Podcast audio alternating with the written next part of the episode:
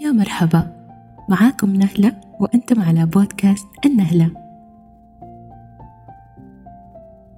خلونا في الأول نقول لماذا النهلة؟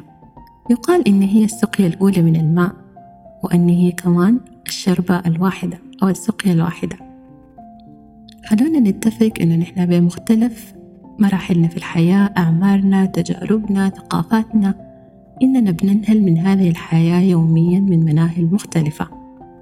فمما نهلت أنا ومما وردت أنا في الحياة أشارككم به في هذا البودكاست.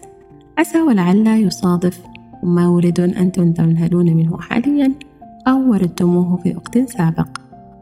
أنا متحمسة جدا جدا وانتظروا أول حلقة.